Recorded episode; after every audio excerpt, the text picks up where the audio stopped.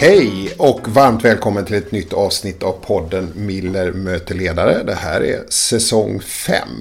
Andreas Mill heter jag och är ordförande för Ledarna, Sveriges chefsorganisation med drygt 95 000 chefer i alla möjliga typer av verksamheter.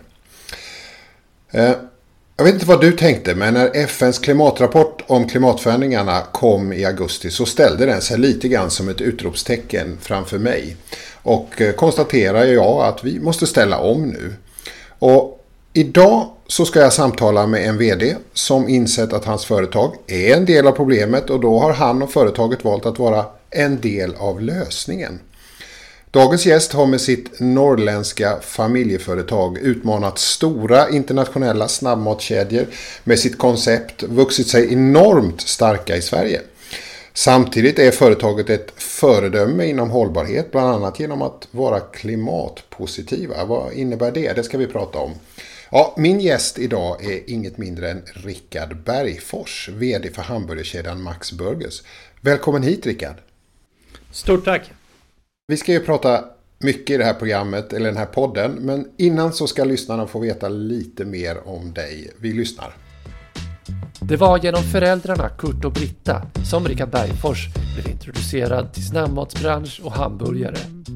Han fick det, kan man säga, ganska naturligt eftersom föräldrarna startade Max i Gällivare 1968. Idag är det Sveriges näst största burgarkedja med över 160 restauranger både i Sverige och utomlands. Och runt 6500 anställda jobbar i företaget. Mat och service, det är naturligt för Rickard som hunnit jobba sig igenom de flesta positionerna i burgarkedjan och i branschen. Sedan 2002 är han VD i bolaget. Rickard har fått flera prestigefyllda priser genom åren och 2020 blev han utnämnd till Årets Företagare i Sverige. Ja, Rickard. Eh, jag har ju förstått att du är en riktig matnörd. Eh, det är ju inte konstigt. Eh, det är ganska rimligt kanske när man jobbar så mycket med mat som du gör. Och du har ju kontot Burgerspotting som man kan följa på Instagram. Och när jag var inne och tittade så tror jag det var ungefär 66 000 följare på det där kontot. Mm, det, det, kanske till, det kanske har blivit fler. Ja, så, förhoppningsvis. Ja, och du betygsätter ju hamburgare som du äter på olika ställen runt om i världen. Alltså, vilken hamburgare är din favoritburgare, Rickard? Ja, det där är ju 10 000 kronors frågan ska jag säga. Jag, jag har eh, ganska många favoriter, men, men en som jag eh, särskilt eh, längtar efter nu, som är absolut en av mina favoriter, det är ett eh, litet ställe eh, i New York som heter G.G. Mellon, eh, som ligger på tredje Avenyn och 74 gatan. Eh, det är ett ställe, jag, det är det första jag gör när jag kommer till New York. Eh, och nu på grund av eh, ja, pandemin och så vidare har jag inte kunnat vara i New York på ett par år. Så att jag riktigt drömmer om, om det här stället. Och vad, är det, vad är det med den burgaren? Vad är det som är så bra? Det, det, det, är ett väldigt gammalt ställe, har funnits sedan slutet av 60-talet eller något sånt där. Och jag tror inte de har gjort några förändringar varken i dekoren eller menyn. Eh, utan det är extremt simpel burgare eh, med i princip kött, eh, bröd, eh, ost och eh, bacon om man vill ha på och lite pickles. Eh, men alla de här beståndsdelarna är perfekta i sin enskildhet och tillsammans så blir det helt magiskt.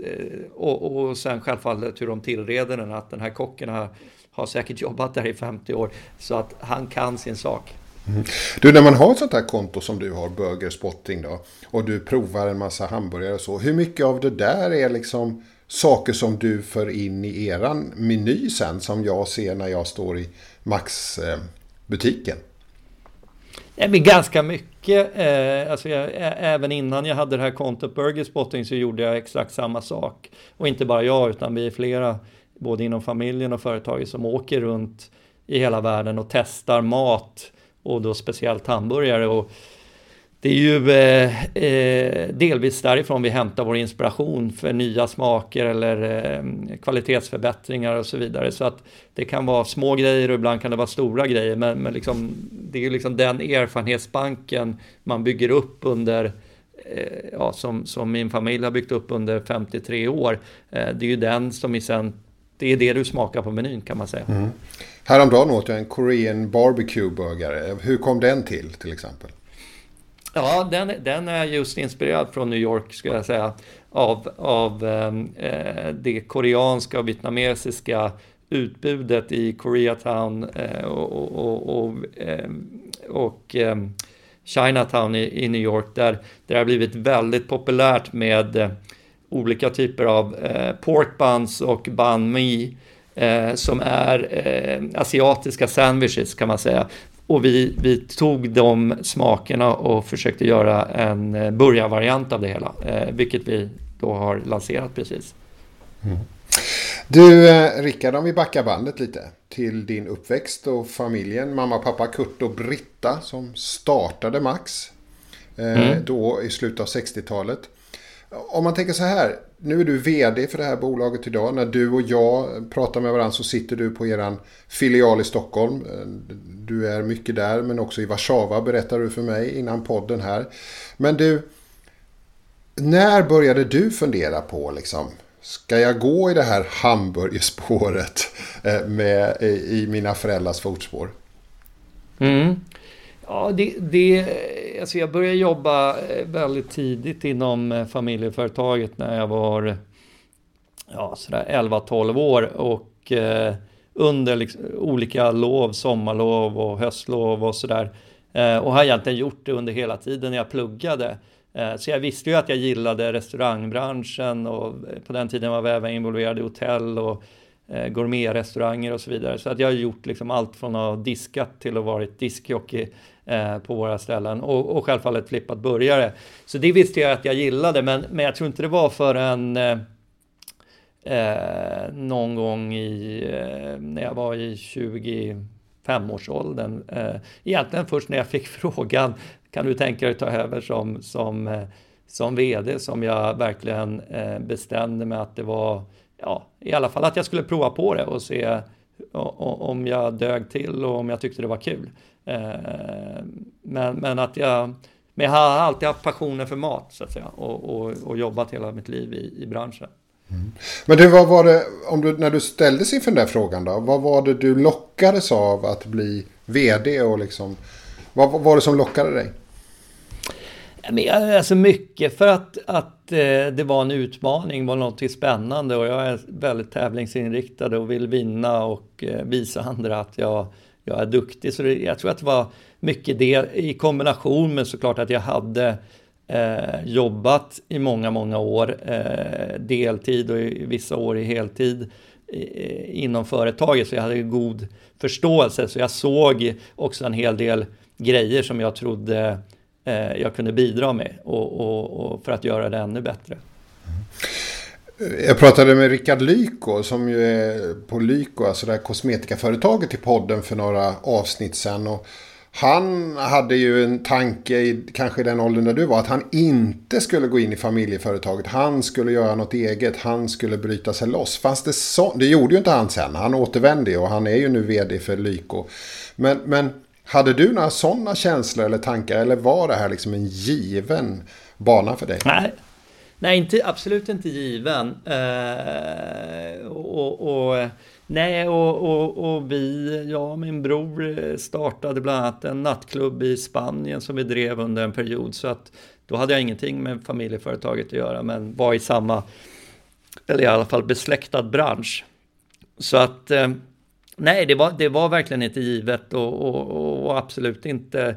Eh, när jag tackade ja till att vara vd så eh, trodde jag absolut inte att jag skulle vara vd nästan 20 år senare heller. Utan jag trodde att det här det var kanske fem år eller någonting sånt och sen skulle jag göra någonting annat i familjeföretaget eller utanför.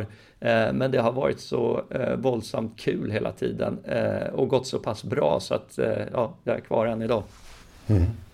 Du, Eh, när man läser på om er familj och så, så finns det ju ett perspektiv. Det är att din pappa sitter i rullstol efter en dykolycka.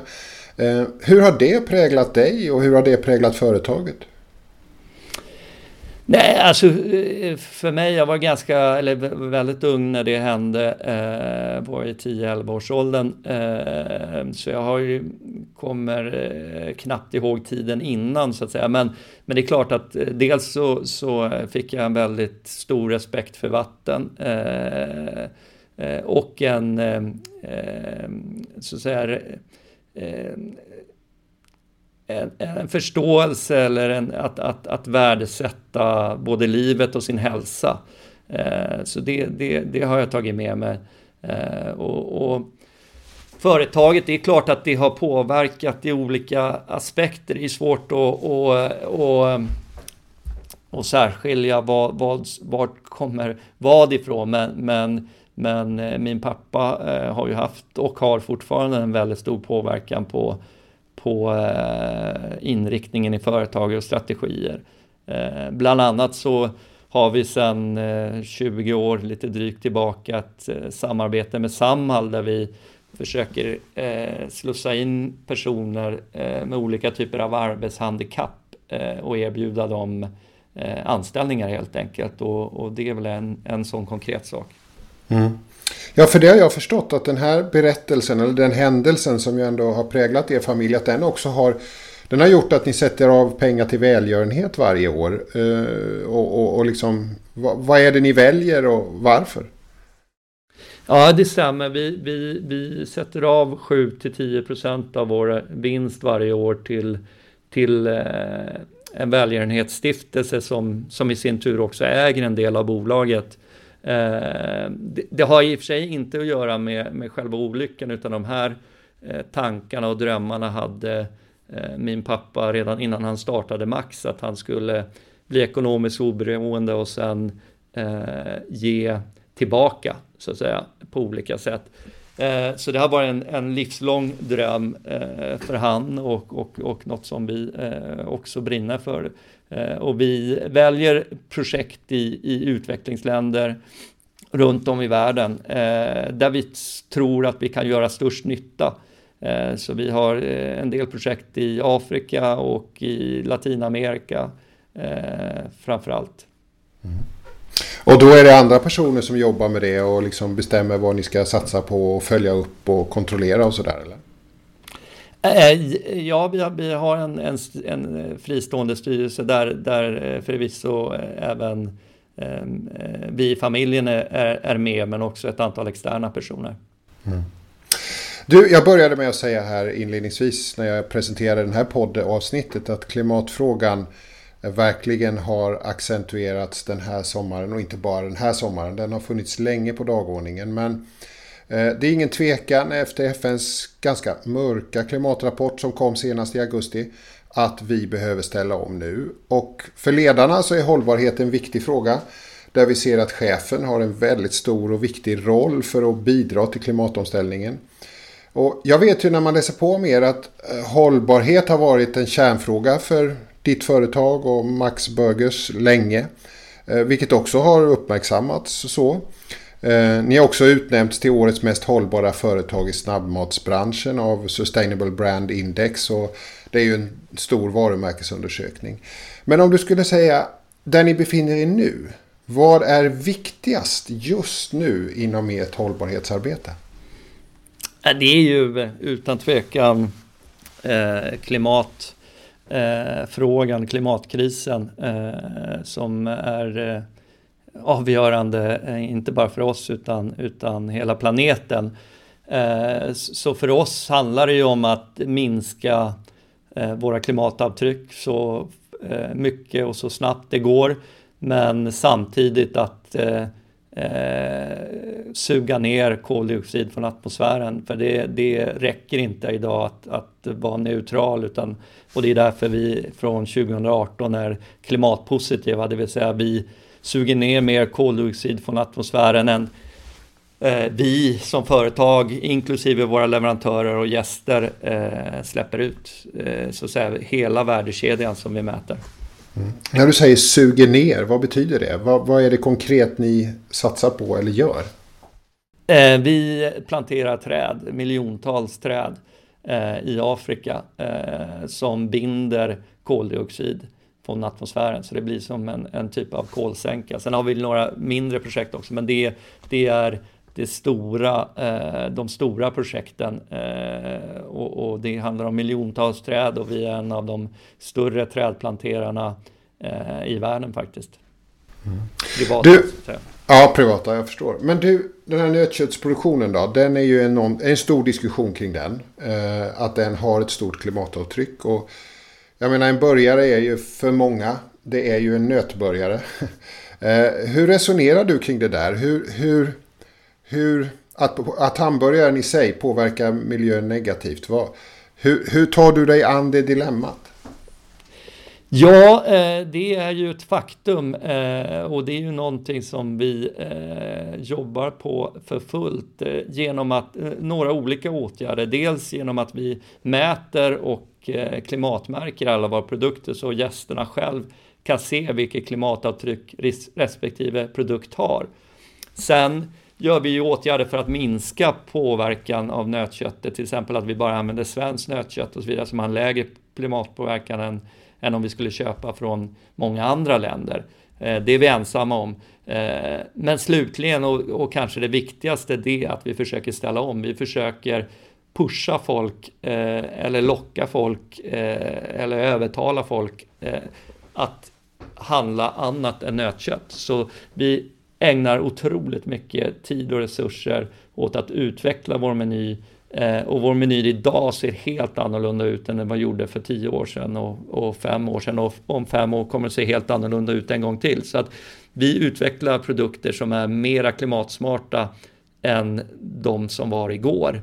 Eh, och sen försöker vi eh, göra dem så pass goda så att, så att folk automatiskt kommer vilja köpa dem istället för eh, den traditionella för ni, har, alltså- ni hade ju ett mål att varannan måltid skulle vara utan rött kött i era restauranger i kedjan 2022. Kommer ni lyckas med det tror du? När du tittar på hur kunderna väljer? Ja, eh, jag tror det. Eh, vi är väldigt nära. Vi, eh, vi, I Polen till exempel så är vi på 47-48 procent idag. Eh, Sverige ligger några procent efter och så vidare. Så att, eh, men eh, det är långt ifrån onåbart utan eh, vi jobbar efter det målet. Så innan 2022 är slut så ska vi vara där. Mm. Du, vad är det som driver dig att göra det här och, och, och försöka ligga så i framkant som du ändå beskriver? Eh, alltså det, det, det, är ju eh, dels så, så, så så tycker vi, eh, alltså vi är ju ett familjeföretag som startade för 53 år sedan och eh, miljö och hållbarhetsfrågor och, och, klimatfrågor har alltid legat familjen varmt om hjärtat och vi gör saker eh, vi vill vara eh, liksom stolta över vårt företag och det avtryck vi ger. Så att det har varit en naturlig del i det hela. Eh, och sen är vi lika oroliga som de flesta andra över vart eh, klimatfrågan håller på att ta vägen eller eh, global warming. Och jag menar, ska vi kunna vara ett familjeföretag i, i många generationer framöver så måste den här frågan lösas. Och vi vill vara en del av, av, av, av den lösningen. Det, det är väl det enkla svaret. Mm. Du, hur jobbar du med leverantörer och underleverantörer till er? Jag tänker ni måste ju ha många som levererar in. Vad, vad, ställer ni för krav på dem och hur för ni resonemanget med dem kring de här hållbarhetsfrågorna? Vi väljer ju leverantörer utifrån de kriterierna vi har eh, och jobbar ofta eh, väldigt, väldigt långsiktigt med våra leverantörer med mer ett, ett partnerskap än någonting annat. Så att de är med på den här resan. De måste rapportera in vad de gör för åtgärder, rapportera sina klimatavtryck. Därför vi kompenserar ju även för deras klimatavtryck i de produkter de levererar till oss. Eh, och sen ställer vi krav på att de ska vidta åtgärder för att minska eh, klimatavtryck och även eh, miljöavtryck och hållbarhetsfrågan i stort. Så att säga. Så att vi har en väldigt nära och tät dialog med alla våra leverantörer. Mm. Du, Rickard. Eh, hur många timmar i veckan skulle du säga att du jobbar? Eh, 60 till 80 skulle jag säga. Mm. Hur, hur, tycker du att... Eh, hur håller man när man jobbar 68 timmar, 60 till 80 timmar i veckan? Eh, ja, jag, jag, det, jag, kan inte så mycket annat utan det här, det här har jag gjort under, under hela min tid och Eh, jag tror, eh, för mig är det ganska enkelt för det mesta därför att jag tycker det är så våldsamt kul och utvecklande. Eh, så då ser jag inte det direkt som en börda utan, utan jag tycker på riktigt det är kul varenda dag. Och den dag jag inte känner det, då kommer jag sluta. Det där att det är så kul, vad är det som driver dig? Vad är det som är så roligt? Vad är det som liksom fångar dig i det där? Eh, en kombination av att, att, att eh, växa, se företaget och människorna i företaget växa. Eh, och sen en tävlingsinriktning, en, en tävlings... Vinnarskalle kan man väl säga att jag har. Jag gillar att vinna och jag vill ta upp kampen mot de här stora globala, ofta amerikanska kedjorna. Så jag brukar skämtsamt säga att mitt mål är att save the world from McDonalds. Och det, det är det som får mig att hoppa upp ur sängen varje morgon. Så det är liksom deras storlek och deras liksom, det, det, får, det triggar dig helt enkelt? Ja, absolut, absolut. Det hade varit tråkigt om inte de fanns faktiskt. Det är lite som eh, Björn Borg och John McEnroe kan man säga. När Björn Borg slutade så tyckte John McEnroe det blev mycket, mycket tråkigare att spela tennis. Så på ett sätt är det viktigt att ha en, en eh, konkurrent helt enkelt. Ja, absolut. Jag tror det. Mm. Men du, du när man nu, nu pratar ju du och jag över Teams. Det hör man inte för vi har varsin spelare och det låter bra i podden och så. Men när jag tittar bakom dig där nu, för vi är på bild både du och jag, så står det mm. årets företagare där inom guldram och, och så. Du mm. blev ju det 2020, alltså förra året. Eh, ja, om, om, du, om vi skulle bara säga sådär, årets företagare. Det, det måste ha känts kul att få det ut. Ja, ja fantastiskt kul. Mm. Men du, vad är det då? Vad, vad har du för styrkor som gör dig till en bra ledare? Ja, det, det är ju alltid svårt att, att veta själv. Eh, men jag tror att det har att göra med min, min eh, eh, just det här att jag tycker det är så jäkla kul. Eh, och eh, det är ju i sin tur eh, gör att jag blir otroligt passionerad. Jag brinner verkligen för det här och jag är äkta. Eh, så att jag, jag, tror att det gör att, att eh, eh, ja, liksom det smittar av sig och motiverar personer eh, runt omkring mig och, och jag har liksom en stark övertygelse om vart eh, vart vi ska helt enkelt. Mm. Men du det här med engagemang, lust och det är så jäkla kul sa du och det driver dig. Men eh, kombinerar du det där med någon slags struktur också? För jag tänker, det, behöver man koppla ihop det? För att liksom, det här är ju, ni är ju en jättestor eh, kedja. Mm. Ja, absolut. Eh, jag, jag är eh, eh, väldigt eh, disciplinerad och strukturerad, ska jag säga, i allt jag gör. Jag har otroliga planeringar och så vidare. Sen, eh, Eh, men, men eh, så att vi är ju 6000 medarbetare så det räcker ju inte med, med mig utan jag ser ju till att ha eh, människor runt omkring mig som som, eh, som, som eh, kan hjälpa mig och inspirera mig men, men också komplettera mig. Eh, så, så, att, för, för det är omöjligt att hinna med allt själv. Mm. Vad tycker du, vad är det viktigaste att komplettera dig med när du tänker, när du har tänkt? Vad är det du behöver runt dig för att liksom bli riktigt bra i din roll? Eh, så det, både, jag, jag, är en, en eh, vinnarskalle och en obotlig optimist så att eh, eh, jag, jag, behöver analytiska personer som kanske är mer realistiska omkring mig. Eh, annars finns det lätt att jag, jag seglar iväg. Eh, Eh, så att jag behöver ibland, eh, och jag är väldigt otålig, så att ibland någon som säger till mig att eh, nu tar vi och funderar på det här ett varv till och, och kanske ställer några eh, smarta, intelligenta frågor. annars, annars så har jag ofta rusat vidare till nästa projekt. Mm. Så är det så att du behöver inte bara ja-sägare runt dig. Du behöver så att säga folk som ifrågasätter dina idéer också. Är det så du tänker? Ja, absolut. det, det, det, är, det är en absolut nödvändighet. Om jag återvänder till de där 60 till 80 timmarna i veckan. Jobb och fritid och balans mellan det.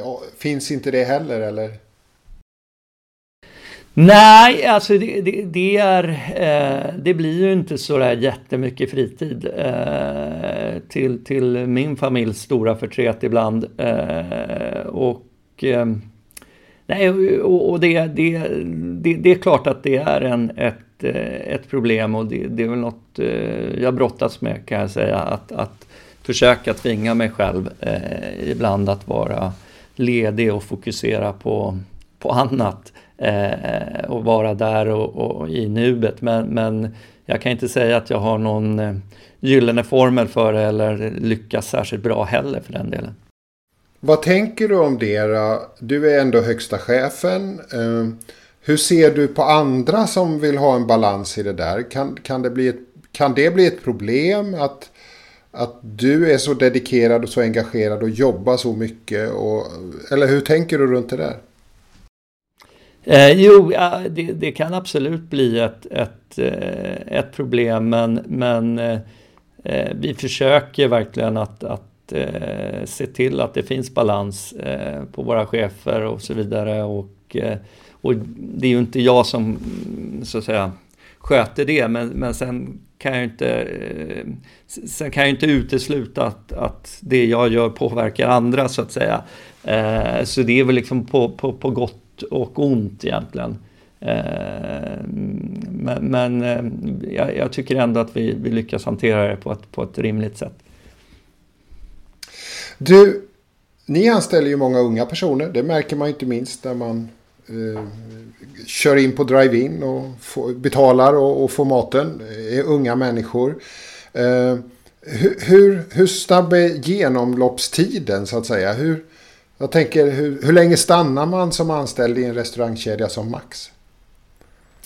Eh, ja, det är lite olika för olika kategorier så att säga. Men, men, men det är klart att för många är det ett tillfälligt jobb och ett genomgångsyrke. Oftast första jobbet man har som man har medan man studerar. Eh, och, och, då stannar man i snitt eh, tre år ungefär. Eh, men, men de som väljer att stanna eh, därefter stannar ofta eh, väldigt länge, över tio år faktiskt.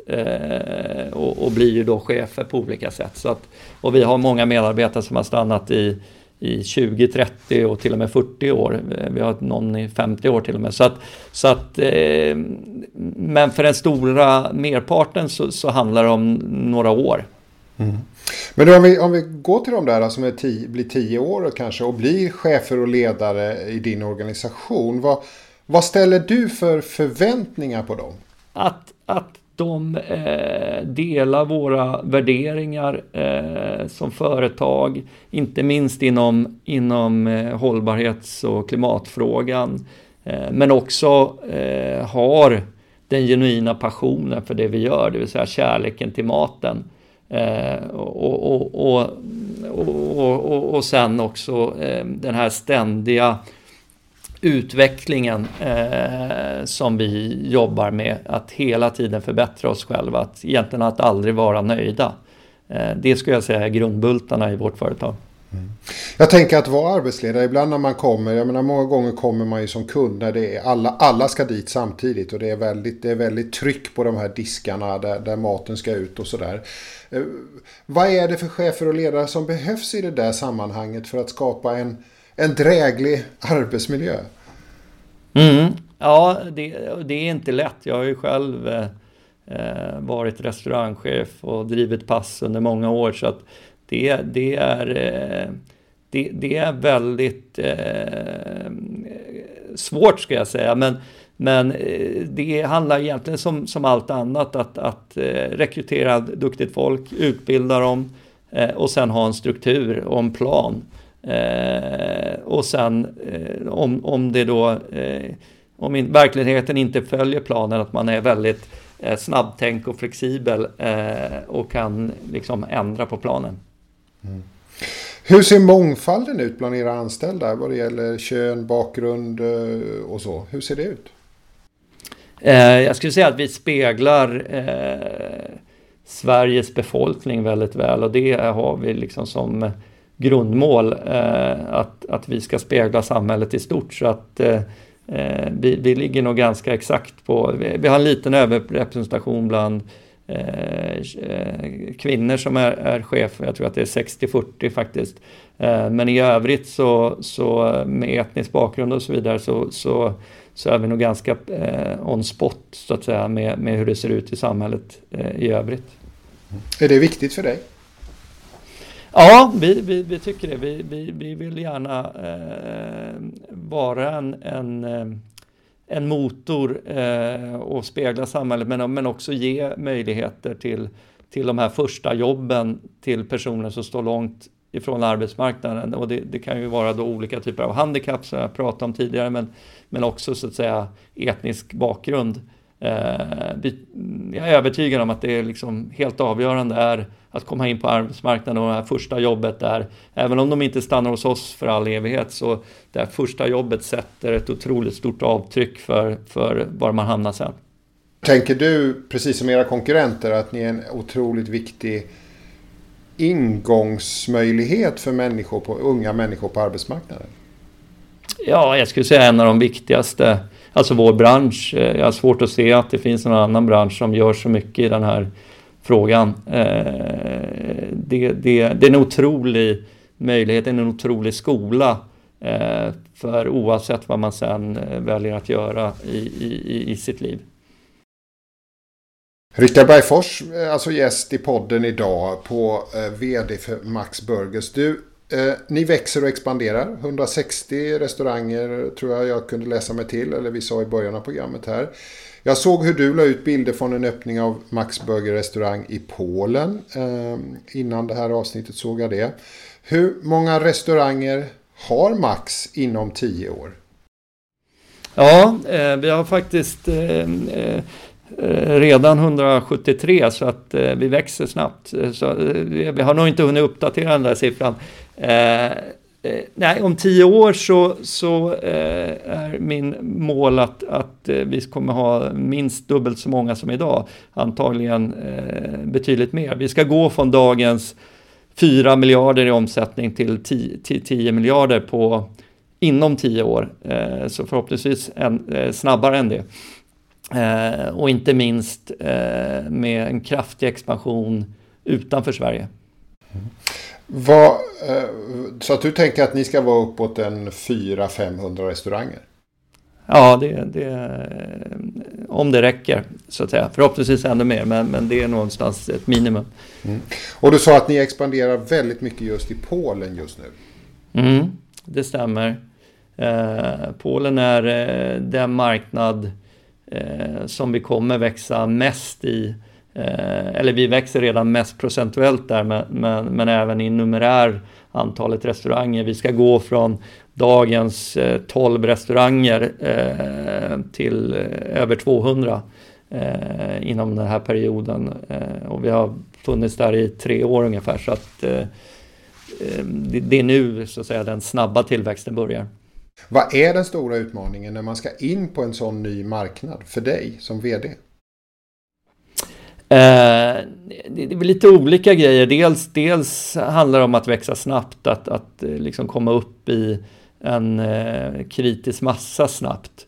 Eh, det är otroligt viktigt för hela, hela modellen så att säga. Eh, men det, det som är Eh, och, eh, kanske svårast är ju att liksom överföra kulturen och värderingarna och, och eh, hitta rätt anställda, utbilda dem eh, och, och sen få dem att eh, stanna kvar helt enkelt. Eh, det krävs ju, för att göra det här så är det tiotusentals personer som vi måste eh, ha eh, och, och de måste ju i stor utsträckning dela vår vision och värderingar och så vidare för att det ska bli riktigt bra. Hur gör man det där då? Hur, hur, hur för man över värderingar på ett till, till en helt, ja inte helt men ja, en mm. ganska annorlunda kultur i Polen då. Jag, jag tänker du talar kanske inte polska? Nej, nej. Nej. Hur, hur gör, eller vad, vad, har ni för strategi? Hur jobbar ni? Alltså, och det finns, det finns väl egentligen inga eh, genvägar utan, utan det är delvis därför jag spenderar så otroligt mycket tid i Polen. Man måste ha boots on the ground, vara där, prata, inspirera, Eh, Eh, och sen i sin tur anställa eh, personer eh, som gärna då pratar polska runt omkring som, som, eh, som jag spenderar mycket tid med och inte bara jag utan andra också och försöker liksom föra över eh, vår vision och våra tankesätt till och som i sin tur sprider det här vidare. Tycker du att ni lyckas? Eh, ja, eh, det tycker jag, men vi är inte klara på lång väg utan, utan eh, det här är ett långsiktigt arbete. Utan vi har varit där i tre år ungefär och eh, eh, ja, vi, vi har en bit kvar. Den politiska utvecklingen i Polen kan ju vara just nu ganska bekymmersam när man tittar ur ett demokratisk synpunkt. Ja, saker som vi hör rapporter om och sådär. Hur, hur påverkar det er i en sån här etablering? Eh, nej, nej, och det stämmer ju. Eh, det, det var ju någonting som inte var eh, så när vi, väl, eh, när vi tog beslutet om att etablera sig. Nu vet jag inte om det hade ändrat sig, men det är klart att det hade inte varit positivt, utan, eh, utan det här kom ju efteråt. Men eh, det är ju sånt som man inte kan påverka så mycket, utan det gäller bara att förhålla sig till det och, och, och eh, försöka att, att Eh, göra det vi kan så att säga. Nu påverkar kanske inte vår business så eh, mycket men, men, men absolut det, det, är något vi håller ögonen på och är en, eh, ett bekymmersamt läge. Sen tror jag på Polen och jag tror på polackerna så att jag hoppas och tror att det kommer förändringar på det här området också förr eller senare. Ja, Rickard. Till sist tänkte jag bara ställa en fråga till dig. Precis som alla gäster i det här programmet så ska du få möjligheten att ge råd till chefer som lyssnar på den här podden. Ni har ju verkligen ambitionen att vara ett globalt föredöme i klimatfrågan. En vd som vill jobba med de frågorna men inte har kommit lika långt som du och ditt företag har gjort. Vad skulle du säga? Vad är det viktigaste att tänka på för ett framgångsrikt hållbarhetsarbete? Eh, jag tror eh, några grejer. Dels eh, var Eh, var passionerad, eh, var övertygad själv, det vill säga bestämma sig. Eh, ta hjälp, eh, för det är svårt att vara expert på allting. Eh, och sen jobba otroligt hårt, vik inte en tum, ge aldrig upp. Tack Rickard Bergfors. Ge aldrig upp, det är väl jättebra att få med sig. Alltså vd på Max Burgers och han medverkar då i Mille möter ledare. Och tack till dig som lyssnade. Snart finns det ett nytt avsnitt av Mille möter ledare där poddar finns. Och jag hoppas förstås att du uppskattar det här samtalet. Prenumerera gärna på podden så du inte missar nya spännande gäster och intressanta ledarskapssamtal. Tack för idag!